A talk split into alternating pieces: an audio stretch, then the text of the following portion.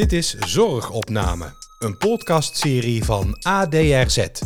We maken ons allemaal wel eens zorgen. Zorgen om je eigen gezondheid en zorgen voor de gezondheid van de mensen om je heen. Maar zijn deze zorgen terecht? En wat kun je doen om een zorgopname te voorkomen? Mijn naam is Arike van Lieren en ik zoek het voor je uit in deze podcastserie voor het ADRZ met als naam Zorgopname. Welkom bij de tweede aflevering. We gaan het vandaag hebben over zorg voor de zorgprofessional. Want hoewel het super waardevol is om in de zorg te werken, kan de werkdruk onder zorgprofessionals heel hoog zijn. Maar wanneer is druk te druk? En welke uitdagingen komen er in Zeeland op ons af door vergrijzing? En kan technologie de werkdruk onder zorgprofessionals verminderen? Ja, ik ga het bespreken met drie tafelgasten. En de eerste is Arno Wielemaker. Welkom. Goedemorgen. Leuk dat je er bent. Dankjewel. Je hebt meer dan 20 jaar ervaring in de zorg in verschillende rollen. Van klopt. IC-verpleegkundige tot teamleider spoedeisende hulp. Dat klinkt allemaal als heel dynamisch werk. Klopt dat? Ja, dat klopt. Eh, daar heb ik toen een tijd ook wel een beetje voor gekozen. Ehm, moet ik wat vertellen over mijn opleidingstijd? Of, eh, Ja, leuk. Gewoon even een leuke anekdote. Iets wat iets over jou vertelt. Nou ja, ik, ehm, ik, ben, ik ben eigenlijk de acute zorg ingerold eigenlijk, omdat ik net als bijna elke jongen die in de zorg instapt, ambulanceverpleegkundige wil worden. En de opstap is natuurlijk dat je ergens, je gaat specialiseren in de acute zorg. En daar heb ik dan ook voor gekozen. Ik heb één jaar op een eh, verpleegafdeling ge- gewerkt. Meer om ervaring op te doen. en eh, ja, toen gekozen om een intensive care opleiding te gaan doen. Ja? En ik merkte tijdens de IC-periode dat ik eigenlijk het dynamische wel leuk vond van, van, van acute zorg. En dat is de IC niet altijd, dan lijkt dat wel zo. Patiënten verblijven soms ja, twee, drie, vier, vijf weken op een intensive care. Waar ja, eh, gewoon eh, intensieve zorg wordt verleend. Maar het acute is daar soms met name de eerste dagen is daar, maar daarna niet meer. Ja, het acute, het dynamische, daar gaan we het vandaag met elkaar over hebben. En doen we niet alleen maar jou, met jou, maar ook met uh, Annemieke Linken. Hoi. Goedemorgen. Goedemorgen. Je werkt al meer dan elf jaar vol bevlogenheid bij het SCALDA. Eerst als docent en tegenwoordig als teamvoorzitter regio Walcheren en als coördinator van de eerstejaars zorgprofessionals. Wat houdt zo'n opleiding zorgprofessional eigenlijk in? Nou, ik ga je wel gelijk corrigeren. Het is geen opleiding, maar het is een opleidingsroute. Ja. Eh, want een diploma zorgprofessional bestaat niet. Eigenlijk, eh, iedereen die in de zorg werkt, is zorgprofessional. Of je nou verpleegkundige bent, verzorgende IG, je werkt in de maatschappelijke zorg. En eh, nou, je, je noemde net al de vergrijzing in Zeeland, maar ook de brede inzetbaarheid van de zorgmedewerkers. Zijn we eigenlijk een opleidingsroute begonnen, eh, waarin de studenten de kans krijgen om de opleiding rond zich heen te bouwen. Eh, in het eerste leer word je breed opgeleid en dan krijg je eigenlijk van alle richtingen kun je iets proeven. En in het tweede leer ga je dan ja, je smalle uitstroom kiezen. En dat heeft ja, voordelen. Eh, dat betekent ook dat studenten iets langer hun keuze kunnen eh, uitstellen. Want je ziet vaak ja, 15, 16. Nou, Arno zei het net al, ze komen binnen. Ik wil ambulancebroeder worden. Maar ze komen erachter dat misschien de ouderenzorg ook wel hartstikke leuk is. Of de gehandicaptenzorg. Dus eigenlijk op die manier bieden wij een opleidingsroute aan naar een diploma. Ja, super gaaf. Ja. En er zit ook vandaag een student bij ons in de studio. Dat is Melissa Hartog. Je bent verpleegkundige drie, derdejaars bij het Hoornbeek College. En eh, je gaf net ook aan dat je een aantal dagen in de week ook eh, stage loopt in het ziekenhuis. En de rest van de week zit je op school. Of hoe zit dat? Ja, klopt inderdaad. Ehm, ik werk inderdaad in het ziekenhuis. Ik ben in het derde jaar eh, erachter gekomen dat ik het beste leer door dingen uit te voeren in de praktijk.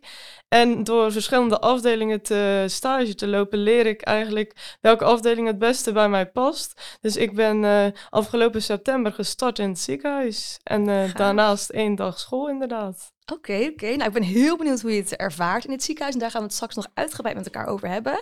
Ehm, we gaan het vandaag sowieso hebben over vier dingen. Allereerst de redenen om te kiezen om in de zorg te werken. Dus nou ja, jij bent eh, begonnen met je studie ooit. Waarom deed je dat? Daar gaan we het straks over hebben. Maar ook redenen om uit de zorg te gaan, zoals Annemiek eerder deed. Want jij werkte ooit in de zorg, maar je bent eigenlijk geswitcht naar het onderwijs. Nou, hoe en waarom, daar gaan we het straks over hebben. Eh, een ander punt is, hoe kun je als zorgprofessional nou goed voor jezelf zorgen? Wanneer is druk te druk? En hoe kun je als ziekenhuis aantrekkelijk blijven om voor te werken? Ja, voordat we de diepte ingaan, heb ik een aantal stellingen voorbereid. En ik wil jullie vragen om ja of nee te antwoorden. Zijn jullie er klaar voor? Ja, hoor. Oké, de eerste stelling is: veel zorgprofessionals kampen met flinke onderbezetting. Ja. Ja. Ja. Ja, alle drie ja. Ja. Kan je dat toelichten? Ehm, ik kan het toelichten als ik kijk inderdaad naar onze studenten die stage lopen, dat je gewoon merkt dat er eh, minder tijd is voor een stukje begeleiding. Studenten al vrij snel eh, soms ook echt alleen komen te staan op een woongroep. Of, eh, en dat merk je wel, dat de onderbezetting ja, behoorlijk flink is op dit moment. Hmm. De tekorten ook in de zorg.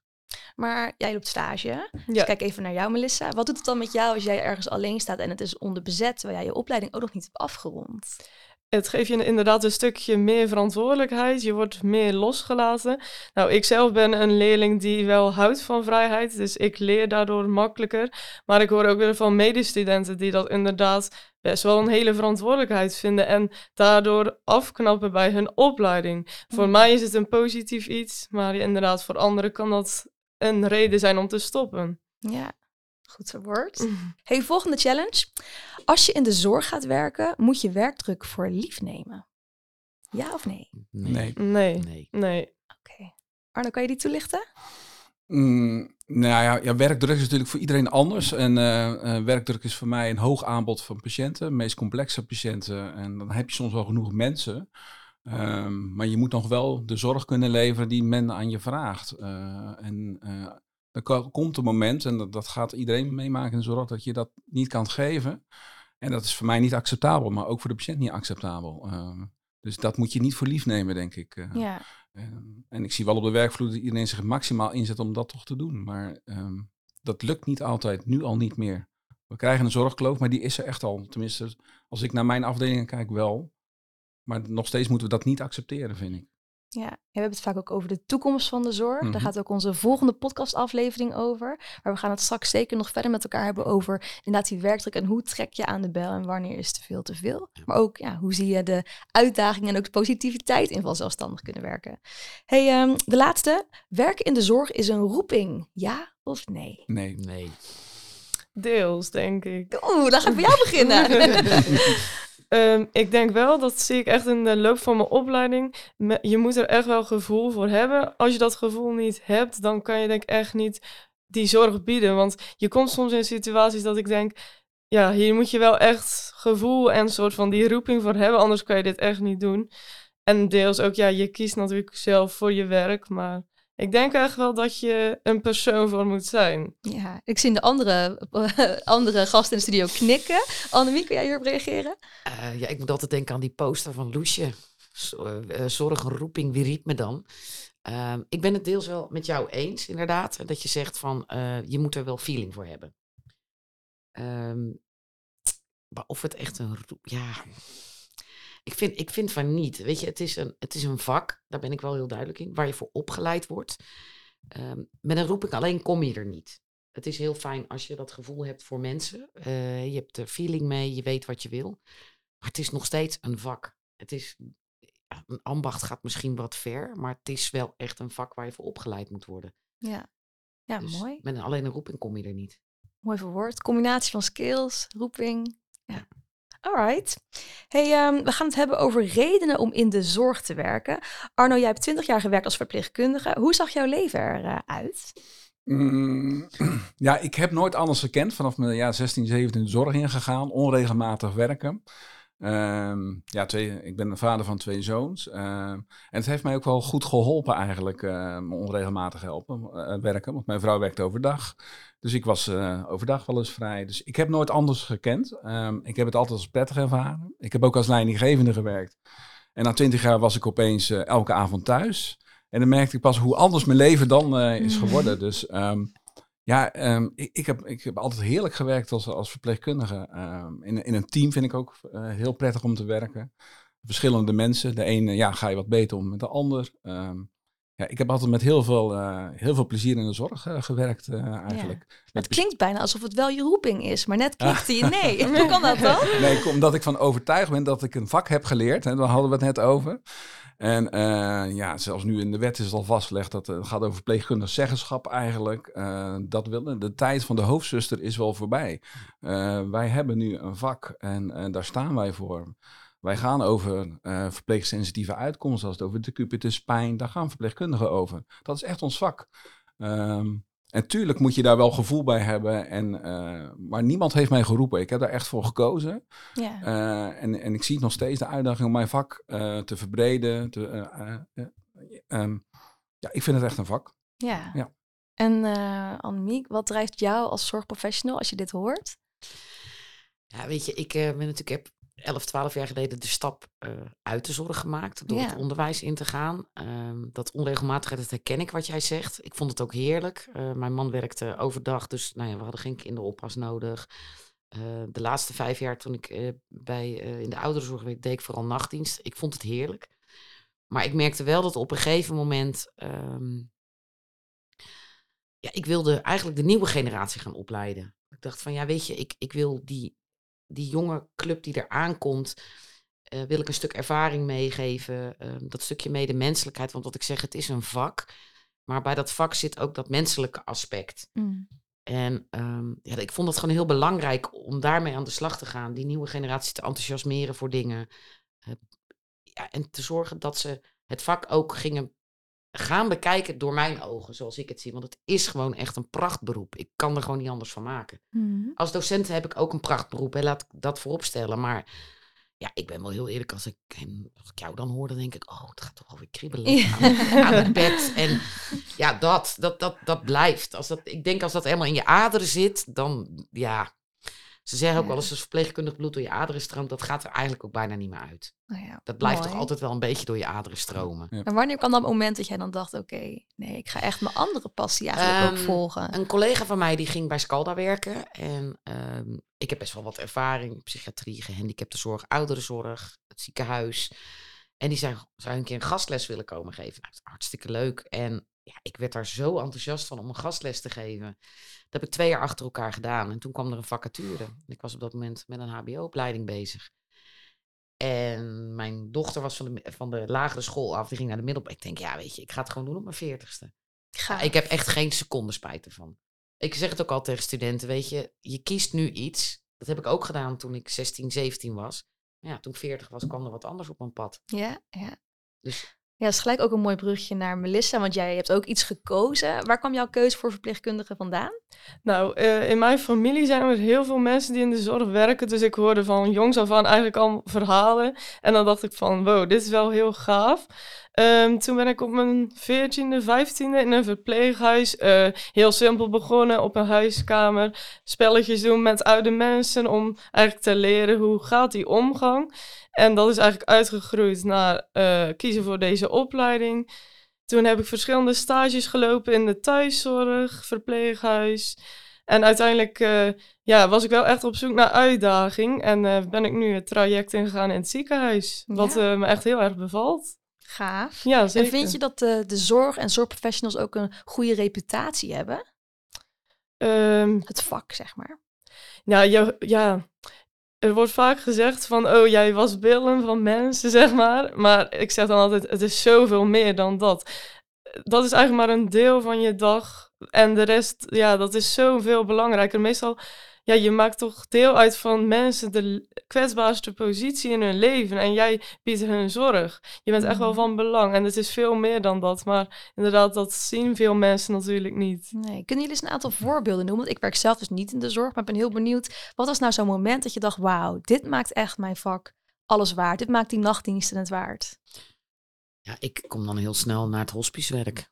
Eh, de palliatieve zorg, dus de laatste Ja. levensfase, dat ik daar wel echt hele, hele waardevolle momenten heb. Dat je ook echt, eh, hoe gek het ook klinkt, in die laatste eh, momenten met familie en, en de, de zorgvrager, dat je echt iets kan betekenen. Ja. Dat zijn, daar heb ik hele waardevolle herinneringen aan. Kan je eens een voorbeeld geven? Eh, ja, god, ja, die weet ik nog heel goed. Het was een eh, meneer, op een gegeven moment is er toen besloten om te stoppen met neerdialyse. Maar dan weet je ook dat iemand vaak binnen 24, 48 uur komt te overlijden. En dat was heel bijzonder om dat samen met de familie dat, dat traject te kunnen begeleiden. En ehm dat ook weer even eh, te voelen als zorgprofessional dat je ook heel veel emoties hebt.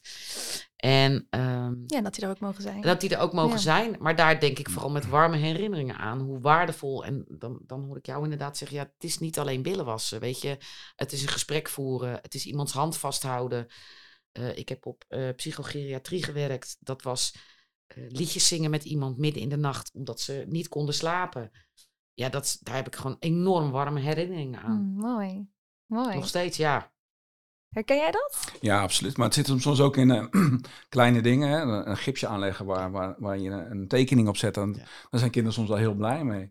Maar inderdaad ook het overlijden van patiënten. Ehm, het is natuurlijk heel bijzonder dat je daarbij bent. Ehm, Ja. Ik zie op een dag soms wat een, iemand in een mensenleven niet ziet. Hè? Ehm, veel ellende, maar soms ook wel, ja, ook wel gewoon geluk. Mensen gaan ook wel eens gelukkig het ziekenhuis uit. Daar ben ik ook heel blij om. Ehm, En waar krijg jij dan het meeste energie van? Ehm, ja, als, je het, als, je, als mensen het, ge- je het gevoel geven dat ze dankbaar zijn, dat, eh, dat, je, dat je ervoor bent. Soms, eh, als je zomaar heel snel pijnvrij krijgt, bij wijze van spreken, dat, dat iets wat wij heel snel kunnen oplossen. Maar mensen ehm, zitten daar misschien al dagen mee en ik kan dat snel voor ze oplossen. Dan neem ik de oorzaak niet weg, maar eh, het ongemak bijvoorbeeld. eh, eh, ja, da- daar kan ik blij van worden. Eh, maar ook bijvoorbeeld een reanimatie die slaagt, heel technisch eh, eigenlijk. Eh, daar kan ik ook blij, blij van worden. Ja. Ehm, maar het zijn vaak de dingen die, eh, die je als persoon ook wel ziet met kinderen. Toen ik kinderen kreeg en ik, eh, ik ving zieke kinderen op en eh, dat ging goed. En ik, oh wat gelukkig zeg dat. eh? Ja, het is maar net wat je, waar je feeling mee hebt. Ja, Ja. ja. Ik hoor jullie ook wel zeggen, het gaat om, om aandacht en die aandacht hebben voor elkaar. Maar uit onderzoek in 2023 van Medic, dat is de leverancier van medische hulpmiddelen, blijkt dat een derde van de zorgprofessionals zegt onvoldoende aandacht te kunnen geven aan de patiënten. Ik dacht, wow, een derde. Herkennen jullie dat? Ja. ja, ik denk wel aan een mevrouw eh, die ik pas op mijn afdeling had. En ja, op een afdeling is veel hectiek natuurlijk. Iedereen belt en moet van alles regelen. En ja, ik zag haar zo zitten. En toen ben ik gewoon even, heb ik mijn stoel gepakt, ben ik naast haar gaan zitten. Ik zei, mevrouw, hoe gaat het nu eigenlijk met u? Ik zei, je bent nu de eerste die dit vraagt aan mij. En Hmm. toen heb ik denk wel een half uur met haar gepraat, ondanks die drukte. Maar soms doet dat mensen zo goed. En later kwam dan die familie ook weer van... Ja, ze was zo dankbaar dat jij dat deed. En dan denk ik, ja, hier doe je het wel echt voor. Ja. Gewoon even ja, een luisterend oor bieden, denk ik. Dat heel belangrijk is. Ik vind dat wel echt super dat je dat zegt hoor. Want Ja. ik weet dat heel veel. eh, hè, we hadden het net over. Jij wilde inderdaad meteen op de ambulance. Mhm. Je merkt dat heel veel ehm, jongeren die aan de opleiding beginnen, studenten, die willen alleen maar de technische dingen. Infusen prikken en Ja. eh, spuiten en medicijnen toedienen. Maar wat jij nu als voorbeeld geeft, is denk ik wel de essentie van het, van het vak. Dat ik denk van ja, dat, dat is het ook. Het is ook dat die menselijke maat, even aandacht naar iemand, maar ook echt naar iemand kijken. Ja, en als ik dan vanuit mijn docentschap, ja, dat is wel wat ik ze mee wil geven. Van kijk ook echt. Kijk nou eens voorbij, inderdaad, die enorme wond. Er zit wel een, een mens achter. En ik denk dat dat, ja, als ik jou dat hoor, ja, daar word ik heel blij van. Dan denk ik, ja, Maar het, het, het is wel moeilijk, vind ik hoor. Want ik gebruik mijn, de technische kant om aandacht aan de patiënt Ja. te geven. Want ja, bij ons ligt een patiënt twee uur. Dus terwijl ik aan het prikken ben, probeer ik een praatje te maken. Maar ik weet, na die 10, 15 minuten ga ik die patiënt de komende uur, twee uur niet meer zien Nee. eigenlijk. Omdat ik gewoon met de volgende patiënt verder ga. Hmm. En dat mis ik nog wel eens even teruglopen van, goh, hoe is het nu met de pijn? Of wil je wat Mhm. drinken? Of zit je goed? Of ehm, Ja. dan komt uw familie nog? Ehm, ja, dat ontgaat ons soms. En Jij herkent dat misschien ook in de drukte van de dag. Je gaat weer naar de volgende. En dan met Ja. je achterhoofd dat je toch net iets meer wil doen dan dat. Eh, gaat Ja. niet altijd. Nee. Alles wordt efficiënter in het ziekenhuis en daardoor eh, heb je het risico dat dit stukje aandacht dat verloren gaat. Hoe voorkomen we dat het ziekenhuis een eh, fabriek wordt met hoge productie, zo snel mogelijk erin, zo snel mogelijk eruit? ik denk dat we dan even in Den Haag moeten gaan kijken, of niet? Dus ik denk dat we daar dan even onze oor te luisteren moeten gaan leggen. Ja, of onze registratielasten. Ja. Dat ook. Ja, wij zijn 40% van ons werk zijn we bezig met registreren. Waarvan 70% toevallig ik weet gewoon door onszelf verzonnen is uiteindelijk. Hè? Ehm, ehm, om, om getallen aan te leveren. Eh, als ik een patiënt met mijn collega opvang, doet één doet de computer en ik doe de patiënt. Hmm. Dat zegt wel wat over, over de zorg, vind ik eh, uiteindelijk. En welke mogelijkheden zie jij dan om de werkdruk te verminderen? Zeker als het gaat om technologie. Nou ja, ehm, je, hebt, je hebt programma's zoals PDMS, heel simpel. Hè? We meten een bloeddruk, die moeten tegenwoordig nog overschrijven om Ja. het- een dossier te krijgen. Nou, alleen de intensive care bij ons werkt daarmee dat je het apparaat meet de bloeddruk, zet het direct in het systeem. Eens wat jij moet het controleren, dus accorderen of het klopt. Eh, overdrachten worden soms nog handmatig gedikt. Eh, rapportages, denk Ja. ik, op de afdeling wordt Zeker. ja, veel herhaald. Eh, maar vaak om aan te tonen dat je iets hebt gedaan. Waarvan ik vind, als professional moet je dat gewoon doen. Maar we werken heel veel met scoring, scoringslijsten. Eh, en daar wordt gekeken hoeveel wij gescoord hebben. Maar niet daadwerkelijk van, eh, is de zorg nou beter van geworden? Ja. Eh, dat mis ik nog wel eens. en dat zie ik alleen maar toenemen. En, niet dat het, en het is ook heel lastig om er vanaf te komen, want dat geeft ons ons veiligheid. Ik zet een vinkje dat ik heb gekeken of het de juiste patiënt voor me heb. Nee, ik moet dat doen. Maar ik moet het ook aanvinken. En daar moeten we echt vanaf. Maar zie er maar eens vanaf te komen. Ja. Ik weet het Ja. niet zo goed. Ja, Melissa, jij gaat ook nog meemaken in jouw carrière. Die technologie die gaat steeds sneller en die ontwikkelingen die, die gaan Ja. heel rap. Kan een robot straks deels jouw werk overnemen als verpleegkundige?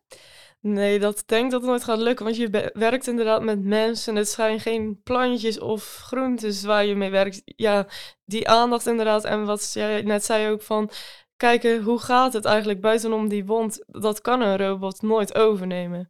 Ehm, maar inderdaad, die ehm, rapportages, metingen... dat zou natuurlijk wel een groot voordeel zijn. Want daar gaat heel veel tijd in zitten. Ja, zodat jij tijd hebt om die aandacht met die patiënt te hebben. ja, Ja. ja, zeker. Ja.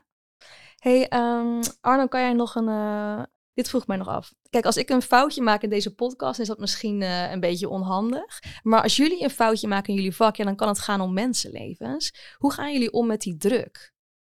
Ja, eh, ehm, een foutje bijvoorbeeld verkeerd, eh, verkeerd toedienen van medicatie. eh, dat, ja, dat kent iedere verpleegkundige. En iedere verpleegkundige gaat ook die fout maken.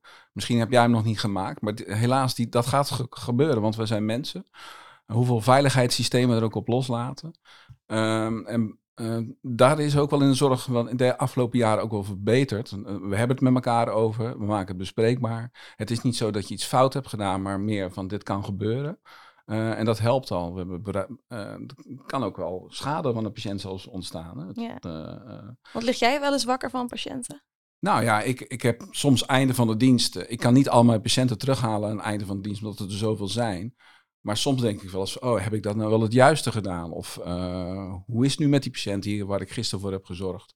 Ja. Ehm, ja, je, je werkt toch met ja, extreem zieke patiënten soms, waar soms iets kleins een groot verschil kan maken. Ja. En daar leg, ik- leg ik wel eens wakker van. Wel minder dan in mijn beginjaren, omdat ik toch wel op routine kan terugvallen. Eh, maar ja, ja ik, ik lig soms nog wel eens wakker. Niet heel vaak, gelukkig. Eh, maar ja, eh, belangrijk is dat je met je collega's... Thuis vind ik het lastig om mee over te praten, omdat zij... Mijn vrouw zit niet in de zorg. Ehm, ja, dus, ja dat, je, je kan het niet goed uitleggen. En Met, met een collega kan je daar beter over hebben. Die begrijpt wat je bedoelt soms. Ehm, en daar hebben we het vaak over. Tegenwoordig heb je bedrijfsopvangsteams ook als echt groot incident. Dat je gewoon met elkaar bespreekt. eh. ja, wat goed. Maar ik weet dat ik nog een keer een fout ga maken. Ja, helaas wel. En ik hoop dat het een hele kleine zal zijn. eh. Ja. Ja. Hey, en Annemiek, jij hebt hier ongetwijfeld heb jij het hier ook over met studenten van Scalda. Ehm, hoe vinden zij het om te balanceren tussen die, ja, die, de druk van het ziekenhuis, maar ook de misschien werk- en privébalans, als dat door elkaar heen gaat? Die is pittig op dit moment. Ehm, dat merk je wel. Ehm, ligt dat deels aan de verwachting van de studenten van een stage in het ziekenhuis? Misschien wel. Ehm, ik denk ook eh, dat het ziekenhuis best veel vraagt van stagiaires. Ehm, dat de lat behoorlijk hoog gelegd wordt. Dat weet ik uit mijn eigen opleidingstijd eigenlijk ook nog wel. En ehm, ja, dan hoor ik Arno zeggen fouten maken. Ja, ik denk juist, ze zijn heel bang om fouten te maken. Omdat ze weten dat het gaat gebeuren. En ik probeer, ja, kijk, je probeert studenten ervoor te behoeden. Eh, maar dat lukt niet altijd. Kijk, in het eerste en tweede jaar ben ik er altijd wel heel duidelijk in.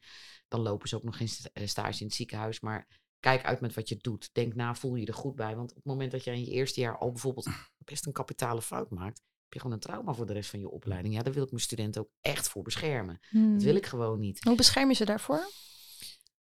Eh, ja, de opbouw in de, in de in, denk ik ook in de opleiding. Wat mag je in het eerste jaar, wat mag je in het tweede jaar, wat mag je in het derde jaar? Kijk, in het vierde jaar ben je beginnend zorgprofessional, dus ja, dan mag je al wat meer. Ja. Maar het is wel ook eh, af en toe de studenten echt in bescherming nemen. Tegen zichzelf heen, in enthousiasme. Oh, dat kan ik wel, dat doe ik wel. En, maar dat zie je nu ook weer, nu de tekorten in de zorg toenemen.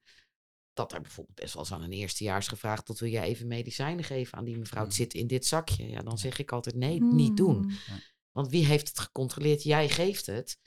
Ja, nee, maar het is dan de verantwoordelijkheid van, eh, van mijn werkbegeleider. Ja, nee, maar toch, alsnog. Hè, op die manier ze wel Ja.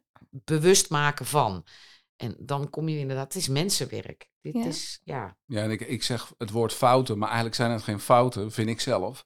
Het zijn meer de omstandigheden Ja. waarom je in werkt. Hè?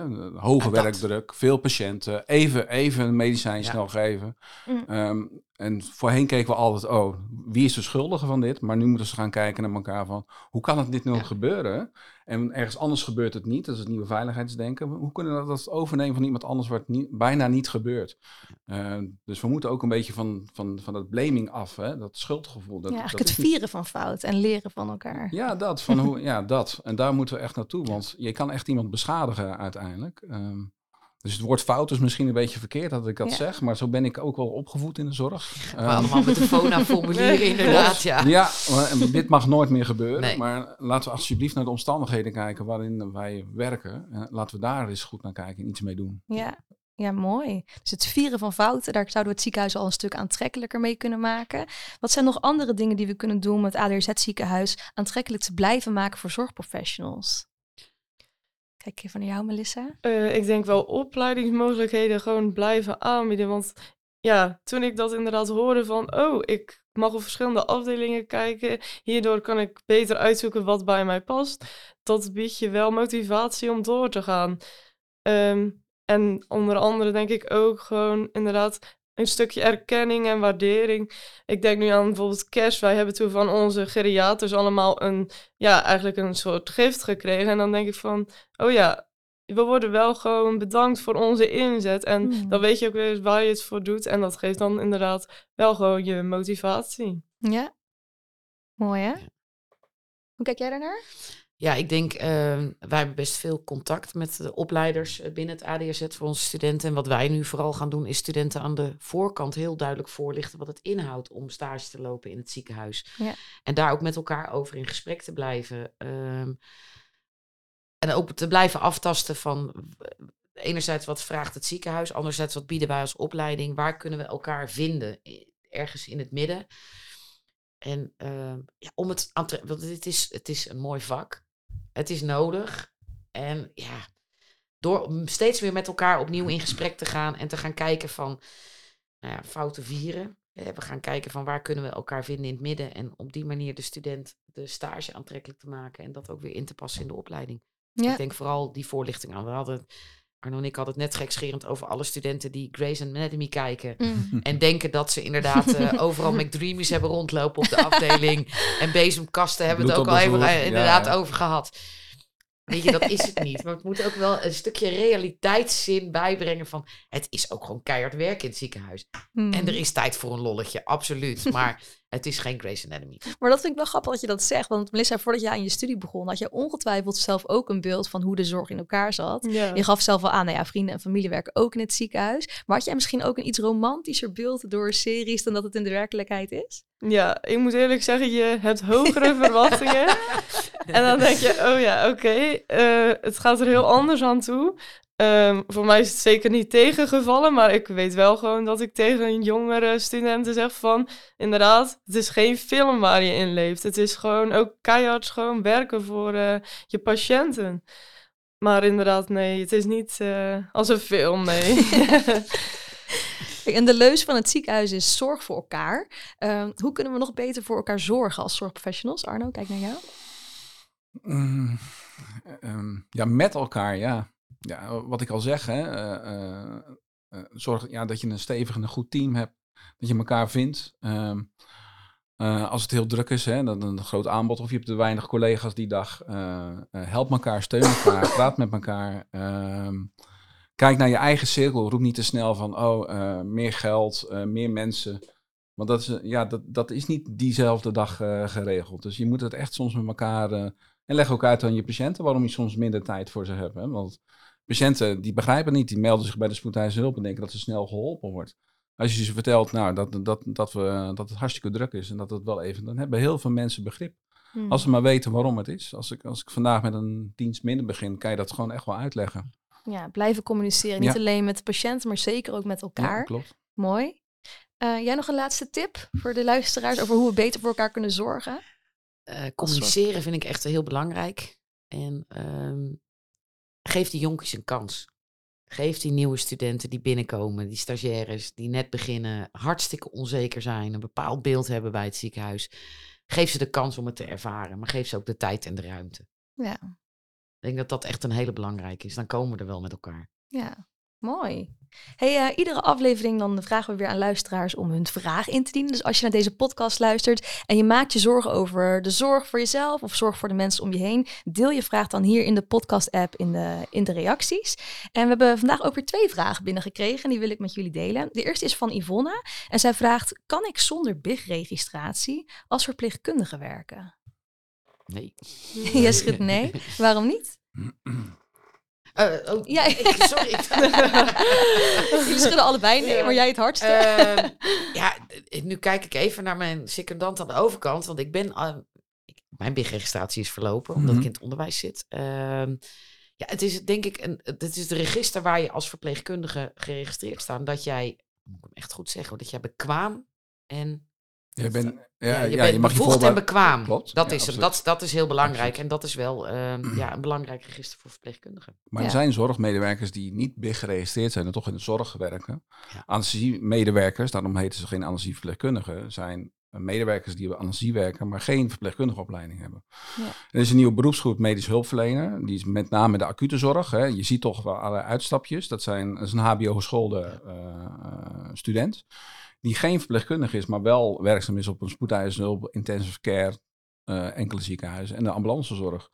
Ehm, dus je hoeft niet alleen verpleegkundige te zijn om de zorg in te zijn. Er zijn andere uitstroomprofielen om uiteindelijk ook in de zorg terecht te komen. Ja, We werken ook met mooi. doktersassistenten bijvoorbeeld. Eh, en verzorgende IG hebben ook geen BIG-registratie. Nee, Eh, ja. MZ'ers, maatschappelijke eh, zorg, de opleiding die we Ja. ook bieden in de gehandicaptenzorg en de ouderzorg zijn ook niet BIG geregistreerd. Ik vind daar wel wat van, maar oké, Ja. want, ja. Ja, maar als het gaat om verminderen van de werkdruk, zou je zeggen, iedereen is welkom, ook zonder BIG-registratie. Ja. Ehm, Zeker, maar zij, zij mogen bepaalde voorbehouden handelingen Ja, dan niet precies. uitvoeren. Dat mits kan. er goede afspraken Ja, over zijn Ja. gemaakt. Hey, door naar de volgende vraag. Gert-Jan die vraagt, gebeurt het wel eens dat door hoge werkdruk afgenomen bloed per ongeluk gekoppeld wordt aan de verkeerde patiënt? Nou ja, tegenwoordig denk ik dat dat met al die systemen bijna niet meer fout kan gaan. Ik denk dan, als het aan mij aangeleerd wordt, dan moet je zoveel scannen en meekijken, dubbelchecken, dat het eigenlijk bijna niet meer fout kan gaan. Maar ik denk voorheen dat dat wel misschien vaker gebeurde. Absoluut. Dat, ehm, je ziet er wel een, wel een, wel een kwaliteitsverbetering. Eh, Met als voorbeeld, hè, op spoedeisende nemen we per dag 60 bloedafnames af. En dan, eh, voorheen hadden wij één printer. Dus je kan voorstellen als er 20 patiënten liggen en je vraagt bloed aan. En je loopt naar die printer toe om een stickertje te pakken die op die buis moet. En eigenlijk terug moet lopen naar de patiënt, controleren of de sticker past bij de. Dat daar nog wel eens wat misging. En tegenwoordig zijn met de techniek is de, is de stickerprinter van de bloed gekoppeld aan de patiënt zelf. Dus eh, alleen op die kamer komt een sticker uit. Maar het blijft en staat hè, eh, met jou eh, als verpleegkundige twee open vragen stellen. Naam en geboortedatum. Dan weet je Mm. altijd dat je de juiste patiënt. Je kan nog zoveel systemen hebben. Maar als de eerste vraag niet goed is, hè, wie ben jij en wat is je geboortedatum? Ja, dan, dan, dan loopt het helemaal spaken Ja, eigenlijk. Dus- altijd die menselijke check. Eigenlijk wat jij Altijd. ook al zei, Melissa, robots of technologie kan zeker helpen en de werkdruk verminderen. Ja. Maar dat stuk aandacht en die menselijke check, dat blijft het allerbelangrijkste. Ja. Zeker. Mooi. Hey, ehm, dit was hem alweer uh, de tweede aflevering voor Zorg voor de Professional. En aan het eind van de aflevering blik ik ook altijd graag even vooruit naar de volgende aflevering. En daarin gaan we het hebben over zorg voor Zeeland. Waarin we het onder andere hebben over het belang van een volwaardige spoedeisende hulp voor Zeeland. En over de huisartsenpost. Hey, voor nu wil ik jullie heel erg bedanken voor jullie komst. En als je hebt geluisterd, uh, bedankt voor het luisteren. Laat vooral even achter in de reacties van deze podcast-app wat je ervan vond. En dan uh, wens ik jullie succes op de werkvloer. Dankjewel. Bedankt. Dankjewel. Tot zover deze aflevering van Zorgopname. Laat een reactie achter of stel jouw vragen via jouw favoriete podcast-app. Kijk voor meer informatie op adrz.nl. Deze podcastserie is mede mogelijk gemaakt door Klemtoon Media, jouw partner in podcasten.